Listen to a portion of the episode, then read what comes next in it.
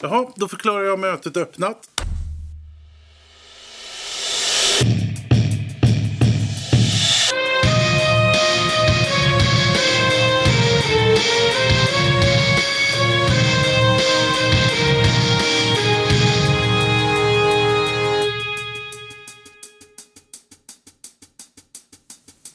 Välkomna tillbaka kära lyssnare. Jag heter Daniel Johnston och jag jobbar på ABF-distriktet i Stockholm. Eh, redaktionen för den här podden, du har ju nått fackligt nedslag då såklart. Det är det vi heter. Jag är lite decimerad men jag har med mig en kompis från redaktionen, nämligen Anki von Essen Waldén, studieansvarig på Kommunal Stockholms län. Så vi kör på idag. Men vi har gäster och vi har också ett specialtema. Eh, så det återkommer vi till. Annars är ju Fackligt Nedslag, vi är ju podden då som försöker prata om aktuella samhällshändelser med en facklig vinkel hela tiden. Och nu ska vi ha i det här avsnittet ett slags tema om sommarjobb men också om ungdomar och ungdomars situation och ungdomars förhållande till facken och vad man tycker och så vidare. Så då har vi två jättebra gäster som jag tänker kan få presentera sig själva. Och då börjar vi med dig Bibi. Eh, jag heter Pippi och jag jobbar på LO-distriktet i Stockholms län som ungansvarig och skolansvarig. Även har ett särskilt ansvar över regionala ungdomskommittén. Just det. Och jag heter Mikaela. Jag eh, är förtroendevald på Kommunal, eh, har hand om ungverksamheten och sitter också i regionala ungkommittén på LO-distriktet i Stockholm. Så det är en grej som förenar er två, det är att ni jobbar tillsammans i den här ungdomskommittén? Ja. Ja, precis. Just det. Um, jag tänkte innan vi kommer igång med de stora frågorna så tänkte jag mest bara det kan vara intressant att höra från er två eh, vad det var för, för, från ert håll som fick er att engagera er fackligt överhuvudtaget. Det, det är ju en berättelse. Det, man pratar ju ofta om att, att, att ungdomarna saknas i fackliga sammanhang. Men här har vi ju två livslevande bevis på motsatsen. Så det är kul att veta hur ni har hamnat där. Vad säger du Bibi? Hur kom du in på det fackliga? Jag, eh, 2014 så började jag jobba på Sara i Helsingborg, på Väla. Sara-butiken. Ah, just det. Ja. Eh, och eh, där hade vi väldigt stora arbetsmiljöutmaningar, bland annat löner som inte stämde, vi hade 80% personalomsättning, jag hade ingen aning om vad facket var. Eh, och en dag kom där in en ombudsman som haffade tag i mig och frågade om jag var medlem i facket och det var jag inte, jag hade ingen aning om vad en ombudsman var. Så att han värvade mig Eh, och jag blev skyddsombud där också. Började gå massa kurser. Eh, insåg liksom storheten i facket. Eh, och började värva mina kollegor. Eh, och på den vägen är det. Vi startade en klubb. Drev 12 förhandlingar på sex månader. Det, jag var inte populär hos arbetsgivaren om man kan säga så. Du hamnade ju den heta stolen som skyddsombud. Ja. Eller, ja. Mm precis. Men det var, du fick stöttning från avdelningen just när det gäller ja. förhandlingar. För du, ni kan ju inte ha haft ett eget förhandlingsmandat på den, eller hur? Nej, jag hade ju min otroliga ombudsman på den tiden, Tobias Bixberg, handelsavdelning okay. 6. Han var min stöttepelare och satt med i princip majoriteten av alla förhandlingar. Just det. Mm. Ja, men det är ett bra stöd att ha. Fick ni någon ordning på butiken? Jajamän. Eh, vi korrigerade allas löner i princip. Eh, vad var det mer? Vi fick igenom en del förändringar. Det är ju inte jättestora förändringar. Jag tänker att många medlemmar förväntar sig att vi ska göra stordåd så fort vi har en klubb. Men det funkar inte så. För varje medlem är ju facket och det är det vi försökte utbilda alla i. Eh, det vi, jag tror det vi, vi var mest stolta över som vi fick igenom var att eftersom vi hade 80% personalomsättning, då kan ni tänka hur många som också började. Då fick vi igenom att varje ny person som började skulle ha 30 minuters facklig intro. Mm. Så det var ju nästan varje vecka. Så. Och då det... blev ju de medlemmar också. Ja, precis. Det, kan, ja. det måste ha varit en stor nytta. Ja. Mikaela, du då? Varför började du engagera dig fackligt? Um, ja, men till skillnad från dig så var jag ändå medlem när jag um, när jag ville börja engagera mig eller så. Jag hade besök i min gymnasieskola av eh, två eh, unga tjejer som var skolinformatörer. eh, som skrämde livet ur mig när de berättade allting som, som vi trodde var självklart som vi skulle få när vi kom ut i jobbet. Att det inte var det och att det var mycket saker som var eh, styrt av kollektivavtal och, eh, och liksom facklig organisation. Ehm. Så att eh, jag gick med i facket ganska direkt när jag började jobba. Ehm, men det tog ett tag innan, innan jag engagerade mig. Vi hade ett ombud som var jätteflitigt, som var liksom, superbra, informerad om våra rättigheter och allting. Och sen försvann hon. Och eh, vi hade en chef då som till skillnad från kanske många andras erfarenhet, men vi hade en chef som var liksom alldeles för snäll. Eh, men det ledde också till massa problem för att hon sa ja till alla semestrar och sådana saker och då vi som blev kvar som inte hade tagit semester på typ påsklovet. Vi fick ju jobba arslet av, av oss för det fanns inte folk som kunde komma in och jobba och täcka mm. upp för alla som hade fått beviljad semester. Så vi hade så här omvänt liksom, problem men det blev ändå problem. Um, och uh, jag tog på mig en massa ansvar som jag inte behövde ta på mig och jag fick ingen extra ersättning för det och så vidare. Eh, men så när jag började engagera mig fackligt så gjorde jag inte det kanske av samma anledning som alla andra. Men eh, jag blev jävligt förbannad när jag upptäckte att så här, jag kan egentligen be att få betalt för alla de extra sakerna som jag gör. Mm. Eh, och att det är ju såklart inte lönar sig att vara snäll. Och då, de upptäckte också att jag hade alldeles för låg lön i början, så första året i alla fall. Så det fick jag retroaktivt då när de upptäckte det. Och även fast min chef eh, var så snäll och så, så hade hon inte koll. Så att det hjälpte inte oss så mycket. Mm. Ja, just det. Nu är två berättelser. Annars är ju också det där just när det gäller um, det, det snacket som går nu det är ju det att eh, på arbetsplatserna så finns inte den här naturliga kulturen av att man går med i facket när man börjar jobba. Det är en sak som jag hör sägas jättemycket. En annan grej är också att till exempel om man jobbar på Handels eller hotell och restaurang så ser man det som ett slags genomgångsyrke. Mm. Att jag, jag jobbar ett tag för sen ska jag ut och resa eller jag ska börja plugga eller ska göra något annat. Och då är det inte lika lätt att förbinda sig med sin arbetsplats på det viset att man går med i facket och så vidare. Men det här är ju två bra berättelser på mots om motsatsen av det. Så det är kul att höra. Annars tänkte jag att huvudnumret under den här podden är någonting som kallas för Koll på jobbet. Som ni båda två är engagerade i, eller hur? Mm. Vad handlar det om? Vad är Koll på jobbet? Eh, facket på sommarjobbet eh, heter numera Koll på jobbet, sommarkampanj. Eh, det är en tvärfacklig kampanj som går ut på att träffa unga arbetare för att informera om deras rättigheter och skyldigheter på arbetsmarknaden. Mm. Och det är, är, det just sommarjobbare ni är ute efter eller är målgruppen alla unga egentligen på arbetsmarknaden? Målgruppen är väl alla unga på arbetsmarknaden. Mm. Eh, särskilt sommarjobbare. Just det. Mm. Och hur hittar ni dem? Eh. Vi är ute på alla gator och torg i princip. Gör ni arbetsplatsbesök också? Det stämmer, det gör vi också. Var har ni varit? Eh, vi har varit i... Ehm, igår var vi på Söder. Eh, vi körde Slussen, Jakobsbacken, Mariatorget och så. Mm. Idag har vi varit i Liljeholmen. Eh, och i, i måndag så var vi längs med hela gröna linjen från Alvik till Hässelby gård ungefär. Just det.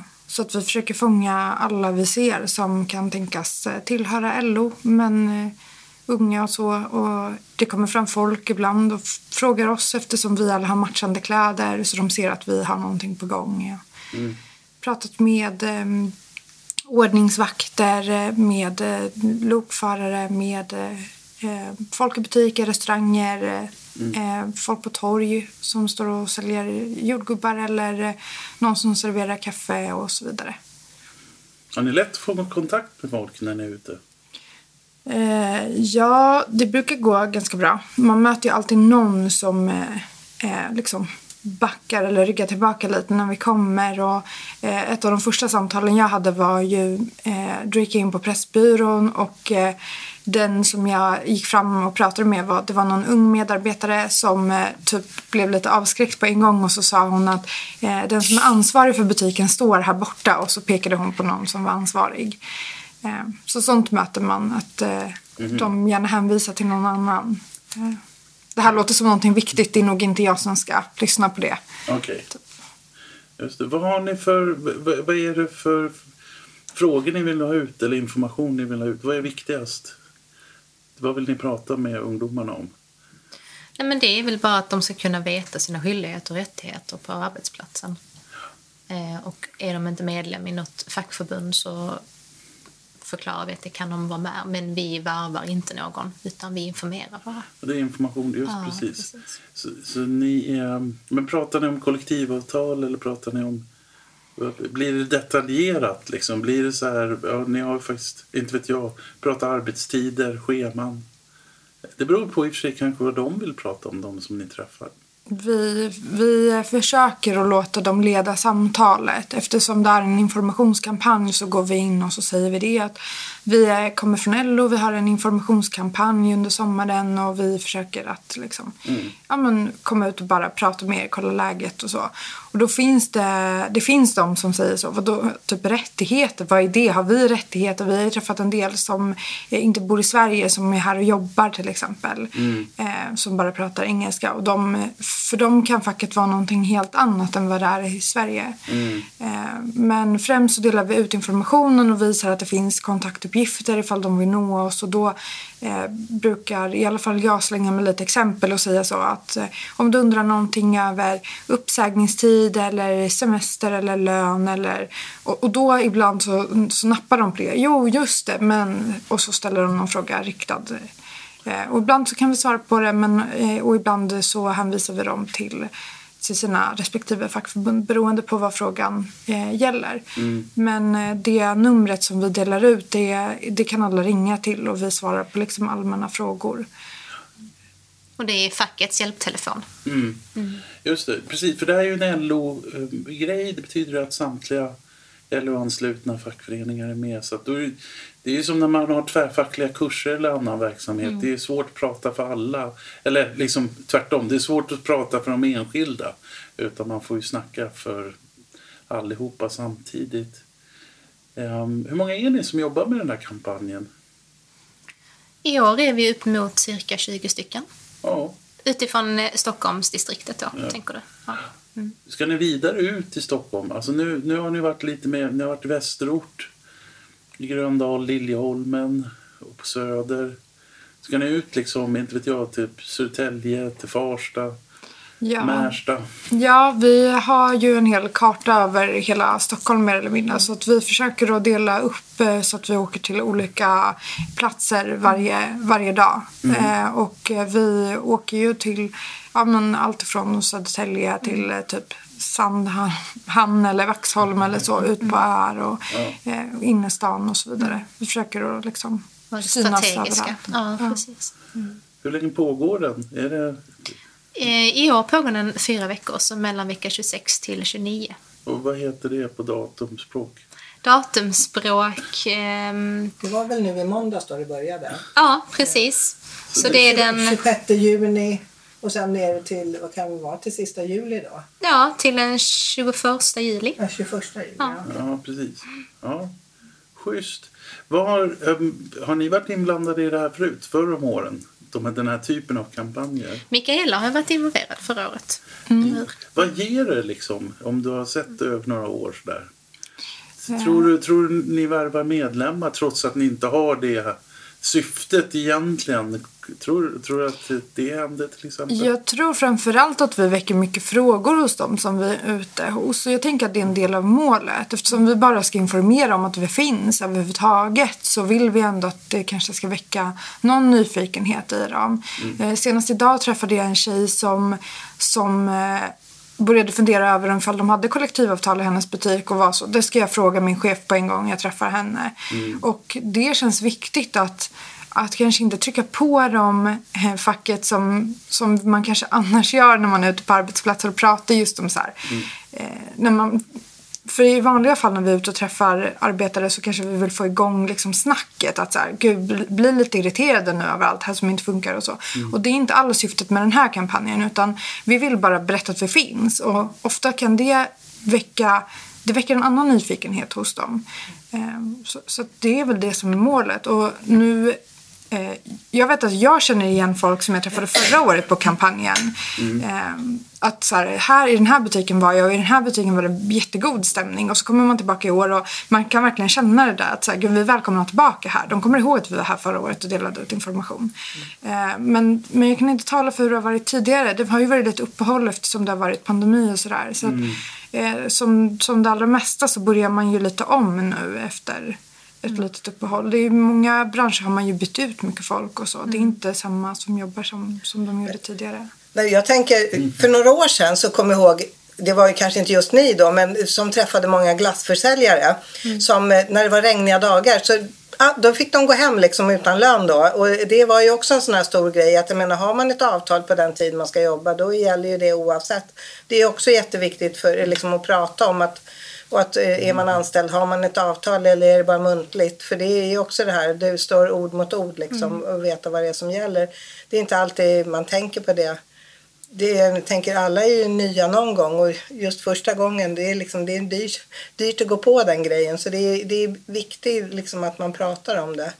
De olika grejerna också.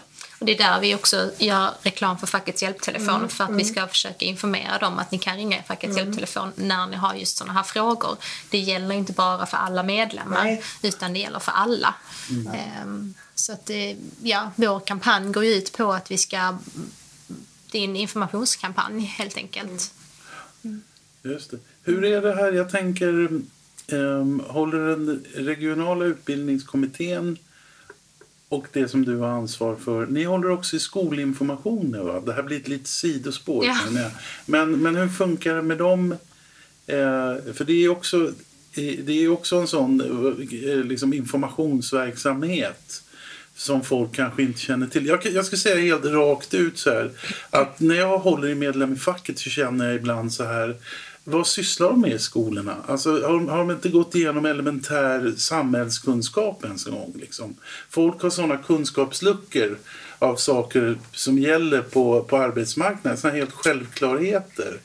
Så då tänker jag på skolinformationen som måste vara otroligt viktigt att LO och vi, alltså facket får komma ut och prata med de här ungdomarna på gymnasierna. Um, för, för de, de, de fattar ju, alltså det, det är som, det, har de sovit sig tvärs genom samhällsundervisningen eller vad är det frågan om liksom? Um, så det tänker jag, det känner jag är, det är en sån här grej som jag verkligen hoppas går bra liksom. Uh, uh, vad är era intryck av de här skolinformationerna? Har ni, gjort, har ni varit ute på skolor någon av er? Ja, absolut. Hur, hur, hur tas det emot? Är det kul? Liksom? Det är väldigt roligt, absolut. Sen är det blandat från skola till skola. Eh, sen har skolor också i sin verksamhetsplan att de ska informera om eh, facket. Men det gör de inte mm. i den utsträckningen. Där är vi väldigt glada att vi får ta den platsen. Mm. Men jag tänker, det, det som jag tror Daniel tänker på det är ju att att eh, man kanske informerar om facket men det handlar ju om hela svenska modellen också. Ja, att man inte förstår liksom att facket och arbetsgivare är motparter och hur mm. det funkar på svensk arbetsmarknad. Det är mm. väl det som är, är det märker vi ju inte bara från ungdomar utan även från ja, ja. äldre. Mm. Att man inte har koll på. Och det är väl lite där att vi har varit ganska bortskämda med och haft det ganska bra. Mm. Jag är ju då lite äldre än vad ni är och när jag eh, vet du, började jobba då gick alla med i facket.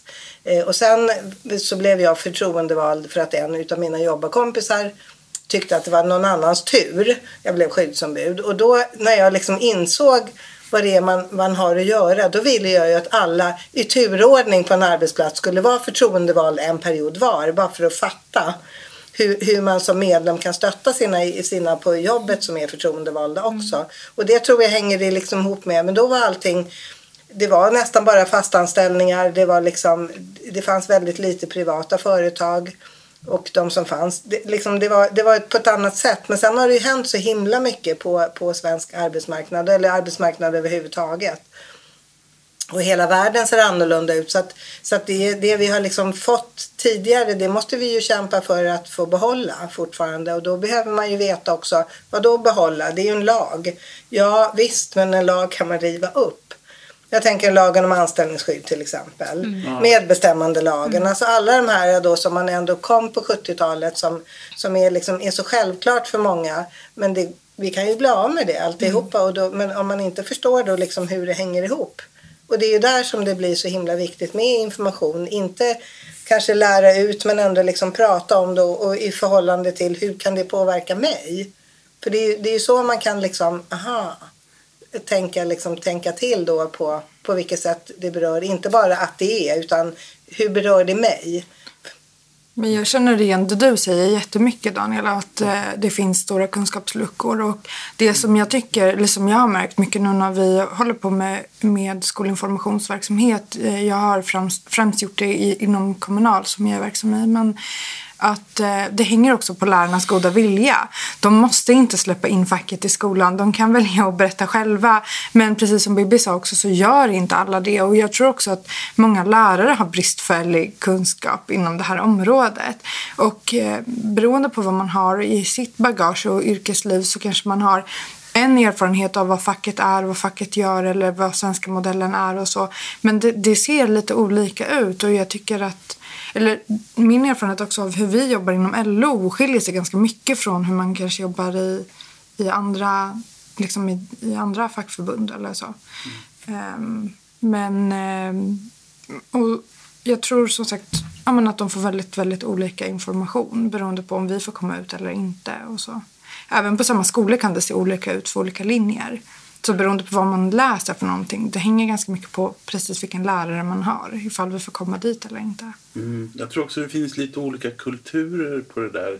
Jag tänker till exempel, eh, jag tror till exempel att, att bygg, Byggnads har nog, de har nog relativt lätt att komma ut på bygggymnasier och annat. Även, eller vad tror du, även om det är privat, alltså mm. just för att det sitter så i väggarna där med hela deras lärlingssystem och med hela deras plus att byggarbetsplatser är ju helt... Man kan ju behöva göra en skyddsrond två gånger om dagen liksom, för mm. att det händer så mycket på bygget i arbetsmiljön. Eftersom man bygger ju sitt eget. Liksom. Så att det är en helt annan ruljans på saker och ting. Medan också inom vårdföretag. För tanken är väl då till exempel om du jobbar för Kommunal och jag har skolinformation då är du ute på vårdgymnasier, eller hur? Ja. I så fall. Ja, det är samma sak där. Just det. Och LO, vi är ute på de teoretiska gymnasierna. Mm. Mm. SFI, bland annat också komvux, högskoleförberedande. Den största utmaningen vi har det är att komma in på högskoleförberedande skolor. Gymnasieskolor. Mm. Just det, de tycker inte de behöver det här. Nej, delvis, men också att det är många lärare som har bytt eh, skolor nu under pandemin. Mm. Så att det är väldigt svårt att eh, ja, men komma in. Ja, just det. Det hänger mm. på att man har bra, man har bra kontakter. Ja, mm. någon form av nätverk. Just det. Men det finns ju också ett annat problem som jag har upptäckt som jag som stör mig för jag vet inte riktigt hur man ska komma åt det. Och det är alla de här utbildningarna som är, sker på distans. Mm. Där de typ inte har lektioner eller kanske har någon, alltså de har inspelade föreläsningar eller sånt.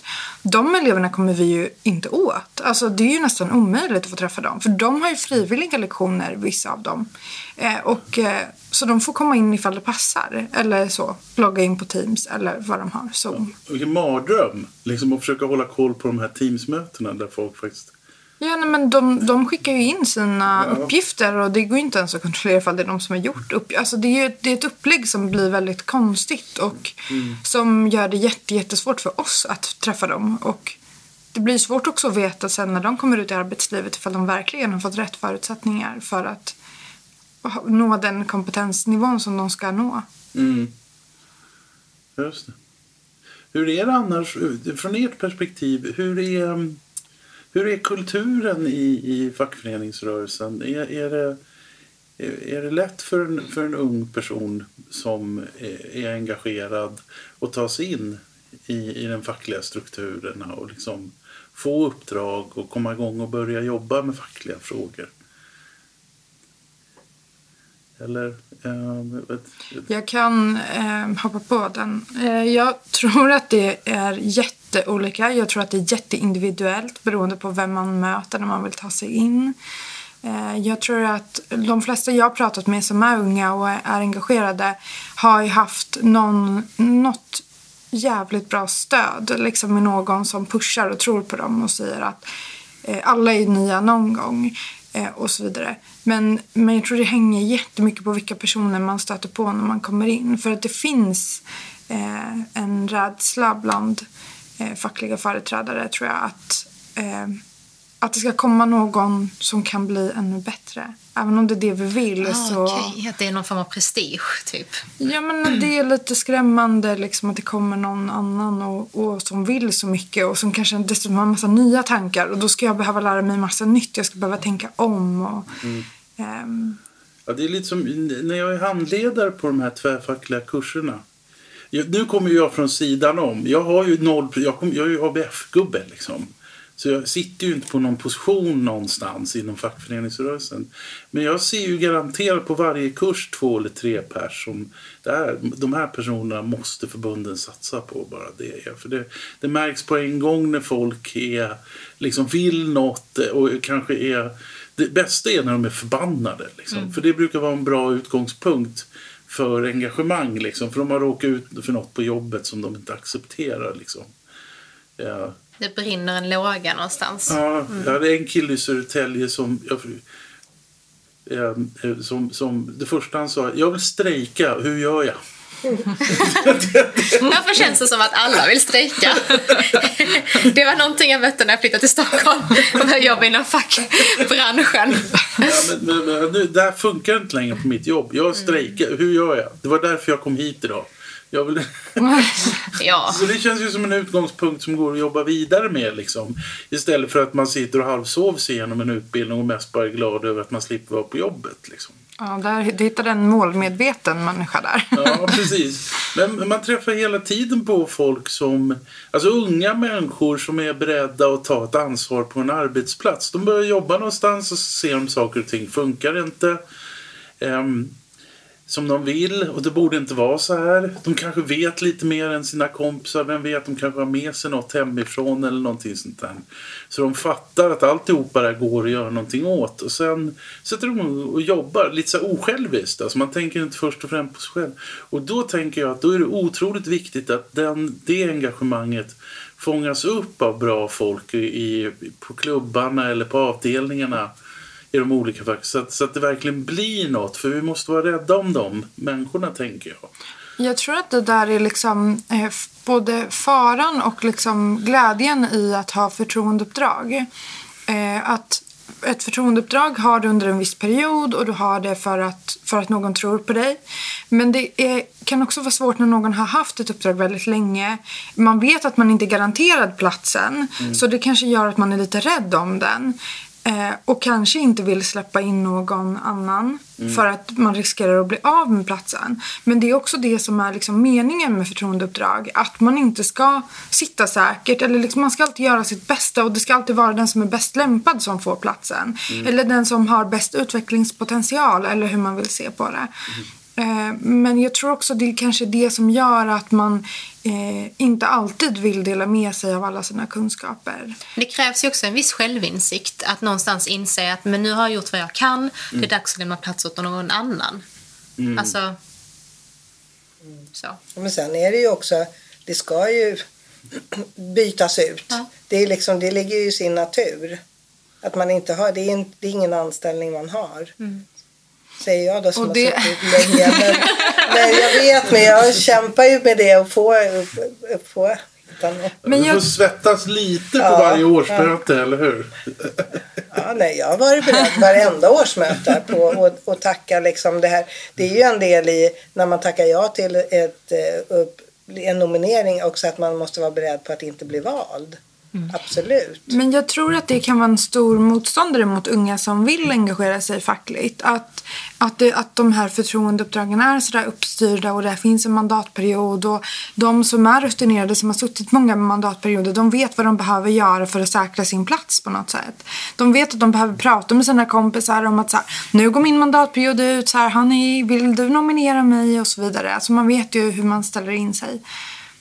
Mm. Är man ny så förstår man kanske inte riktigt processen i att bli vald. man kanske inte alltid förstår den demokratiska processen som vi ibland krånglar till alldeles för mycket. Mm. Precis. Jaha, jag tänkte det är läge nu. Vi har hållit på i en halvtimme typ. Kan gå ner lite för landning. Jag har, jag, jag har en teori, en egen teori. Och det är att ungdomar idag, det här är en sån här gubbteori. Ungdomar idag har orealistiskt låga förväntningar på sitt arbetsliv och sina arbetsplatser. Det är en teori som jag har. Att, att folk tror, i alla fall, och det är bara baserat på, på mitt, liksom, de som jag har träffat. Eh, jag, jag tänker, till exempel så tänker jag att 28 000 för skatt i månaden är en absolut minimilön. Allt, allt, alltså, tycker man något annat så har man, oreal, då har man för låga förväntningar på ett jobb. Liksom. Eh, det är en sån sak som jag tänker. Och det, det, det som är fara med att tycka att 19,5 är en bra ingångslön det är ju att man, man sänker sig själv redan från början. Stämmer det här?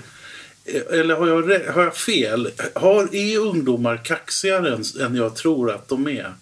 Jag tror liksom, underförstått så tror jag att ungdomar viker ner sig redan i förväg när de är på väg in i ett arbetsliv för de är så glada över att få ett jobb eller någonting sånt. Men jag kan hålla med dig där. Jag tror inte att unga... Det handlar om ganska mycket okunskap innan de kommer in i arbetslivet. Så då blir de väl tacksamma för det de får. Ja. Jag tänker, har vi inte alla varit där? Jag vet jag kommer... Alltså, jag är ju inte... Jag kommer ihåg, det var liksom, det var ju något helt annat. En gång, hur ska jag förklara det här? Eh, när, när, man klev in i ett arbetsliv så, så klev man liksom in i, någon, i ett system där det rådde ordning och reda på riktigt. Det kände man från dag ett. Jag gjorde det när jag klev in på ett arbete. Att det fanns någonting, det var liksom inte fullständiga vilda västern. Utan, utan eh, saker och ting var uppstyrda och det fanns också, där jag jobbade så fanns det också strukturer för att hålla koll på att saker och ting förhandlades om och sådär. Utan nu, jag tänker också eh, de här som, som, som anställningsformerna som är idag, alltså när man kan bli anställd på till och med nolltimmars kontrakt och allt möjligt jättekonstigt. Och man får hoppas att man fyller veckorna och så vidare. Att jag tänker att våra motståndare lyckas. Om de knäcker moralen på våra ungdomar så lyckas de knäcka allihopa av oss. Mm. Förstår du hur jag tänker? Jag tror att, eh, jag kan bara tala utifrån min egen erfarenhet, men jag vet att när jag gick i högstadiet och vi började prata om att välja gymnasium, då var det typ, det var de som eh, valde gymnasium så att de sen skulle komma ut i arbete. Som liksom, det var slackers. Det var de som inte liksom de behövde komma på vad de ville göra med sina liv så småningom. Och sen fanns de som läste typ eh, SAM eller eh, natur. Och det var de som skulle plugga vidare och de skulle sen i slutändan ha riktiga jobb. Eh, jag tror att den inställningen som, som fanns hos mina kompisar redan när vi gick i högstadiet, mm. den tror jag är otroligt farlig för att då när man är 19 och kommer ut i arbetslivet och man då har gått kanske yrkesförberedande gymnasielinje, då känner man att nu måste jag ha ett jobb för att jag måste liksom, jag vill inte plugga mer och jag måste klara det här och så tar man det man får eh, och man eh, har lärt sig någonstans på vägen att det här kanske är fel väg att gå. Man ska plugga vidare. Man ska ha ett riktigt jobb. Mm. Att jobba då i en butik eller, eller på, eh, men som jag har ju alltid tyckt om barn, jag jobbar på en förskola. Mm. Det var så, jag fick frågan så många gånger, men ska du inte plugga till förskollärare? Typ så här, du kan inte vara barnskötare, det är typ inte ett riktigt jobb. Eh, och jag tror den inställningen gör att, att man inte från första början värderar sitt nya jobb som man får eh, högt på något sätt. Man tänker att man är där tillfälligt. Det möter vi mycket när vi är ute och, och träffar unga eh, när vi är ute på arbetsplatsbesök. Att de säger att så här, jag ska bara göra det här ett tag för sen ska jag plugga. Liksom, jag måste göra det. Och sen träffar man samma person tio år senare och de har inte pluggat och har kanske inte den ambitionen längre. Mm. Men då har man varit liksom utan, utan den här uh, lärdomen för länge på något vis. Man har inte förstått att facket finns, att man har rättigheter och sådana saker och man har liksom banat väg för att det ska fortsätta bli sämre. för att man inte ställer krav. För att man tror att man kommer inte vara kvar. Och jag behöver inte ställa kvar, krav om inte jag gör det för min egen skull. Mm. Ska jag göra det för någon annan och sen ska jag gå härifrån? Mm. Just det. En annan grej som jag har det är att jag tycker att det ska vara roligt på jobbet. Mm. Punkt slut. Annars, alltså om jag ska släpa mig dit och vara där nästan hela dagen, då ska jag ha roligt när jag är där. Punkt slut. Det är en till grej. Och det tror jag också att det, det skulle vara bra om, om, om liksom, jag tror det skulle vara bra om fler tänkte som mig där. Just för att det, det, det, är ingen lag på att det ska vara misär bara för att man är på ett jobb. Liksom. Det, det, utan man ska ju kunna ha det kul också, tänker jag. Så, som en slags... Och det undrar jag om folk fattar. Eh, att, nu, nu, det här är ju lite lättviktigt, men, men det, vi har ju hela tiden kämpat till exempel för utvecklingsmöjlighet på arbetet. Och det är ju, då är jag ju inne och tangerar det där med att det, fin- det ska liksom finnas en slags utvecklingssteg när man börjar på ett jobb. Mm. Och att man är medveten om det, att man sitter liksom inte fast. Uh, jag kan tänka sig till exempel att man börjar jobba på en mattvätt i Tumba. Mm. Som 19-åring. Liksom. Det, det, måste ju kännas jobbigt om man tänker att där jag står just nu, här kommer jag att stå hela livet. Liksom och lasta in mattor i tvättmaskiner och lasta ut dem och torka dem och sådär. Mm. Det är liksom sådär att det måste liksom finnas någonting tror jag också bland ungdomar att de känner att eh, eh, visst, det kan vara lite tufft och lite sådär men det, tanken är ändå att det ska gå framåt för mig. Liksom. Att jag ska få utveckling. Vad tror ni om det? Tror ni att folk tänker det att Står man och flippar burgare någonstans så, så tror man att nej, så, så korkar det. Man tror att det finns ett annat liv också, eller hur? Det måste man ju göra. Men jag tror att det där, där pratar vi kanske om samma sak. För att jag tror att där så kanske man tänker att jag måste plugga för att inte stå här och flippa burgare. Och att många människor kanske inte eh, tror på vägen att typ jobba sig uppåt. Att göra, liksom få vara kvar där och få belönas för det som man gör som redan är bra. För på nästan alla arbetsplatser så finns det ju en utvecklingsstege. Det, det gör ju det. det. Alltså, naturligt liksom. Um, att man tar sig vidare. Mm.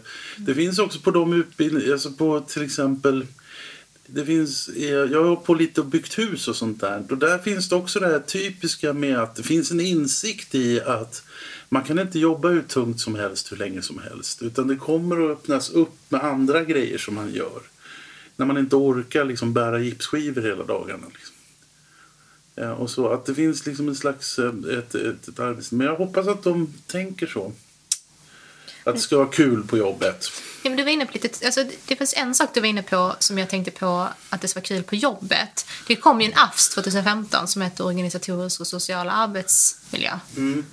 Det handlar väl om, om eh, psykisk hälsa i princip. Och det går väl hand i hand med att man ska kunna trivas på jobbet. Mm. Så det här med att ha en klump i magen på söndagskvällarna ja. och sånt där. Ja, stress. Det, ja, stress på Precis. jobbet ja. och det här. Det är liksom... Det, det ska inte vara så. Men det, den här grejen med att ha kul på jobbet. Jag vet många människor som stannar på typ skitjobb för att de älskar sina kollegor. Ja, de har kul på jobbet. Ja, de har kul de på jobbet. De kanske är på den här maträtten ja. i Tumba. ja. Men de har skitroligt liksom. Ja. Det, det är ju det. Men och där, de, de människorna är så viktiga att fånga också för att de trivs på sitt jobb och de vill inte lämna. Det är de som ska göra förbättringen. Mm. Där vart det är dåligt. För ofta så får man typ antingen det ena eller det andra. Antingen är du på en arbetsplats och allting funkar jättebra. Alla gör sitt jobb, de kommer dit på måndag morgon, de gör sitt jobb, de går hem och de umgås inte liksom. Och har kanske inte jättekul. Eh, eller också så har man jättekul och så är det skitslitigt och det är pest egentligen det man gör men man har kul. Mm. Man skulle vilja ha både och liksom. Jag upplever att det är så. Jag upplever att det är de som är engagerade. Ja, det är så man vill ha det i alla fall. Ja. De som tycker det är roligt eller de ja. som ser det mening för, de som inte har klumpen i magen liksom. Ja. ja. Jag upplever att det är både och så skulle jag nog säga. Att de är svåra att rekrytera in som aktiva medlemmar än de som inte trivs på jobbet men stannar kvar för kollegors skull. Mm. I princip. Just det. Mm. Mm. Du vet, vi tar och rundar av här och så bjuder vi såklart gärna in er igen om vi har något annat att prata om. Men eh, det är dags nu. Vi har grejer som vi ska iväg på och sådär. Mm. Så jag tänkte mest bara, har vi någonting Anki för att sammanfatta diskussionen? Ja, men säger, det är viktigt. Alla, alla olika åldrar behövs på, på arbetsmarknaden och informationen är jätteviktig. Mm. Sen tänker jag, nu är det sommar. Alltså, gå ut och ha en jätteunderbar sommar och se om ni hittar på Bibi eller Mikaela när ni är ute. Mm. Ni som hör det här. Mm. Yep. Fine. Och vi, tar lite, vi tar ett litet uppehåll nu och kommer tillbaka i augusti, eller hur? Ja. Bra. Ja, men då avslutar jag bara genom att tacka för visat intresse. Eh, det går att nå oss ifall ni vill. Det går att mejla till fackligt nedslag i ett ord at gmail.com så kommer jag att kolla på det mejlet och bli jätteglad över att få mejl. Det lovar jag. Eh, men annars får ni ha det bra i sommar och så säger vi bara hej då. Hej då.